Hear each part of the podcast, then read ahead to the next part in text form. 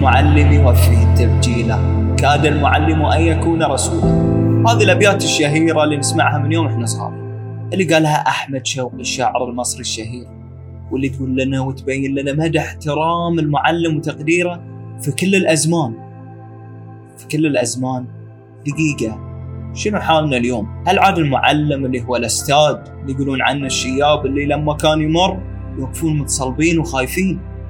كانوا يحترمونه ولا يخافون منه. وليش إني أختار إني أصير وأدرس إني أكون معلم؟ هل يسوى الموضوع؟ وهل كاد المعلم أن يكون رسولا؟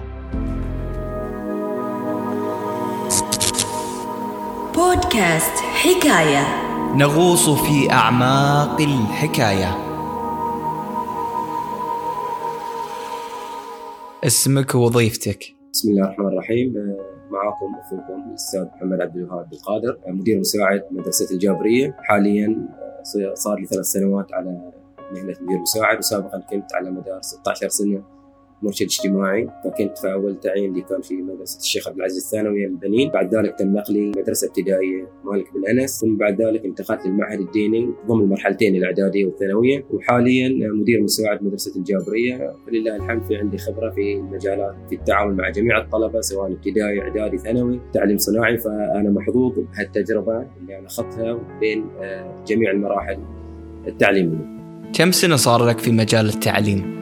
حاليا مجمل السنوات 19 سنة بالضبط أو 17 سنة مرشد اجتماعي وثلاث سنوات مدير مساعد. ليش اخترت إنك تكون في هالمجال؟ هي طبعا أنت إذا بتنظر لمهنة التعليم هي انظر لها إنها رسالة قبل أن تكون مهنة أو وظيفة تكسب منها المال. أنا كنت أنظر لها إن لها أثر إيجابي كبير، فلما تكون مدرس في يكون لك بصمة في نفسيه كل طالب، الحمد لله رب العالمين كنت وما زلت تربطني علاقات جدا قوية مع طلابي إن كل طالب تعاملت معه تركت في نفسه أثر طيب. كنت أشوف هالشيء هذا ولله الحمد يمكن في عيالي في طلابي وكنت أشوف علامات الرضا وأثر الرضا في عيونهم. فهذه الدافع الأساسي اللي خلاني إن أنا أقبل على مهنة التدريس أو إن أنا ألجأ لمهنة وزارة التربية والتعليم للأثر اللي أنت راح تضعه في نفس الطالب. دور بارز في إنك غيرت مسيره الطالب إنك حفظت طالب إن أنت غيرت طالب مساره من الانحطاط إلى إنك خذيت بيده لدرب التفوق والنجاح. الفئة العمرية اللي تعاملت معاها. جميع الفئات العمرية. مرحلة ابتدائية مرحلة إعدادية مرحلة ثانوية تعليم فني ومهني اللي أنا الحين فيه التعليم الصناعي فكل مرحلة لها خصوصياتها وكل مرحلة يعني لها ذكريات طيبة جدا عندي. وأن كنت أنا أحتفظ بالجانب الأكبر في مدرسة الإمام مالك بن أنس لأن هي كانت تعتبر أكثر مرحلة تميت فيها قضيت فيها في المرحلة الابتدائية. لو عاد فيك الزمن بتختار نفس الاختيار؟ وبكل فخر يعني أختار نفس التخصص والمجال اللي أنا خذيته. هل يحترم الطلبة المعلم مثل قبل؟ آه، يمكن أنا يعني لي وجهة نظري الخاصة، الاحترام أنت اللي قاعد تفرضه على الآخر، الاحترام أنا ما راح أروح البراد أشتري أقول له اعطني احترام بالمبلغ الفلاني، أنت إذا كنت محترم احترمت نفسك واحترمت عقليه الطالب اللي امامك، الطالب اللي امامك حس بأن أنت قاعد تحبه وتوده وإن أنت قاعد تنصحه راح يبادلك الاحترام، إحنا في تطور تكنولوجي ال social media سناب شات التيك توك إنستغرام. الطالب أصبح مخه فكري يعني مقصود ما راح أنت تتكلم عن الفكر اللي إحنا كنا نتكلم فيه كطلاب في السابق على أيامنا. كان المدرس لما يمشي بالعصا وأنت تهاب وتخاف وأنا يمكن لي وجهة نظري الخاصة إنه ما كان احترام كثر ما كان هو خوف من المعلم في السابق. الحين إذا أنت ما تحترم الطالب الطالب يبادلك الاحترام لما تشوفه في المجمع ولا في الشارع إذا كان الطالب يحبك هو راح يبادرك بالسلام لكن إذا كان خايف منك أو ما في بينك وبينه احترام لا تستبعد حتى يمكن يوصل لمرحلة إنه مثلا يغلط عليك سواء يكتب عنك منشور ولا بوست في الإنستغرام ولا في وسائل التواصل. وهذه أصبح أمر منشور وإحنا نشوفه مثلا قدامنا فإذا كنت أنت محترم نفسك كمعلم واحترمت الطالب اللي امامك كن على ثقة إن الطالب راح يبادلك نفس الاحترام نفس المودة ونفس الحب. موقف لا تنساه مع طلابك. في مواقف كثيرة بس يمكن الموقف اللي خلاني أبكي لأول مرة في حياتي في 2014 صار لي قرار انتداب حق مجلس النواب. كان هالموقف لما أنا وقفت في الطابور أو ألقي كلمة وداعية حق الطلبة وركضتهم من الطابور يلموني وأشوفهم قاعدين يصيحون. طبعا خلال هالفترة هذه على طول أنا اتصلت حق النائب سوسن قلت له أنا راح أقطع مسألة الانتداب وما راح أكون معاك ما أقدر أتحمل دموع الطلاب.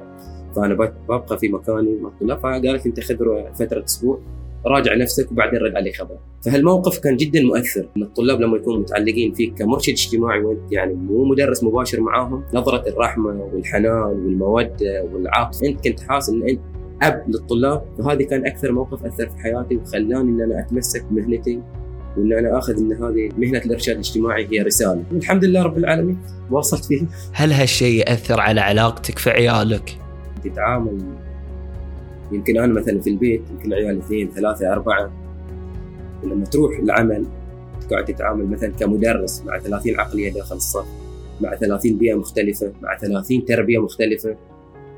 أنت راح من خلال الممارسة الحياتية للتعامل مع الطلبة أنت كأب أو كمدرس راح تتوصل قناعة أو في نوعية من الطلبة تتمنى إن ولدك يكون هو الطالب هذا. فانت لما تشوف مثلا الطالب المشاغب الطالب الشقي والطالب المؤدب والمحترم العصارة هذه اللي قاعد تخالطها أنت راح تنعكس عليك شخصيا في تربية ابنك راح توصل ان أنا أوصل لمرحلة إن أنا اربي ولدي التربية الصالحة اللي أشوف أنا ولد الناس هذا الطالب شلون وصل لهالمرحلة من الأدب والأخلاق والاحترام هذا راح ينعكس عليك أنت شخصيا راح تربي ولدك نفس اللي قاعد تشوفه وتسعى إنه يكون الأفضل والله يوفق لنا عيالنا يكون متربين أحسن تربية. هل مهنتكم شاقة؟ جدا شاقة. إذا بتكون تبتغي الأجر من الله سبحانه وتعالى جدا شاقة. واهم شيء الإخلاص في العمل. وإذا كنت تضع العمل اللي أنت قاعد تقوم فيه خالص لوجه الله سبحانه وتعالى راح تشوفه في عيالك في صحتك في مالك في تتوفق في جميع نواحي الحياة ما هو الدافع للاستمرار؟ والله الدافع اللي يخليني مثل ما قلت لك آه، دعوة الآخرين لك بالخير. لما تسمع كلمة ولي أمر يقول لك جزاك الله خير. أنت كنت سبب في إنك غيرت مسار ولدي. أو تشوف الطالب يقول لك جزاك الله خير أنت لك كان الفضل بعد الله سبحانه وتعالى أنك نقلتني من مكان وصلتني لمكان السادس كان لك دور في إنك غيرت مجرى حياتك، في طلبة كانوا على يعني يمكن أنا بحكم ما كنت في مالك بن أنس في طلبة زرتهم داخل بيوتهم من ناحية تعرفت عليهم من ناحية إذا كان المشكلة في التأخير الدراسي يعني غالبية مشاكل التأخير الدراسي لا تعتقد ان الطالب عنده تأخير دراسي، تلاقي انه في عنده مشاكل أسرية.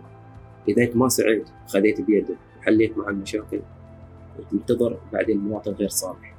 الجيل اللي راح ينشأ جيل غير صالح لكن لما يكون لك دور في إنك تأخذ بيد الطالب هذه تكون على ثقة إن هالبذرة إذا أنت سقيتها كنت حريص عليها هالبذرة هذه راح تكون مواطن صالح في يوم من الأيام فهذا الدافع اللي يخليك إن أنت الإيمان الحقيقي اللي انت قاعد تعيشه إنه فعلا إنه راح يكون لك دور في ان الطالب هاي تغير مجرى حياته فهذا هو أكبر دافع إنك تحصل الأجر من الله سبحانه وتعالى. هل يقدر المجتمع المعلم؟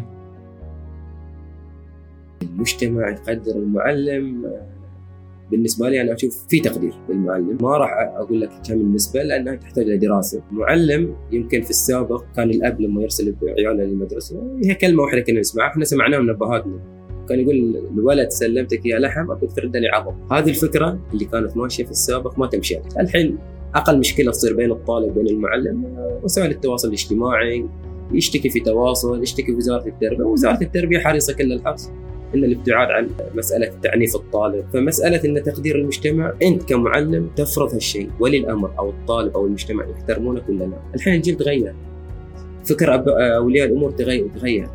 مو نفس السابق يعني مثلا بتروح تشتكي حق أبوك ويقول لك لا خله لا يمكن المعلم راح يتهجم على المعلم يمكن يروح يشتكي عليه في المدرسة مشاكل كثيرة وصلت مركز الشرطة. لذلك المعلم يقدر يجنب نفسه الجانب إنه يوصل لهالمرحلة هذه. يا أخي اكسب احترام الطلاب. كن لك يعني بصمة خير فيهم ازرع الأمل فيهم.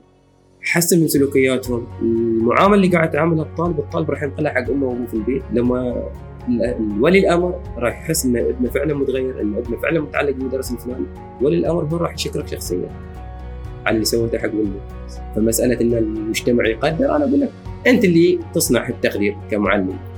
وأنت اللي قادر هل المجتمع إنه يحترمك ويقدرك أو العكس؟ في طفولتك شلون كنت تشوف المعلم؟ وشلون تشوفه اليوم؟ خلينا نكون صريحين مع بعض. البعض السابق إحنا يعني يمكن المعلم له احترامه وتقديره كان خوف أكثر من كون احترام. كنا ننظر المعلم إنه بعبع. لو شفته في طريق أنت تسلك طريق ثاني.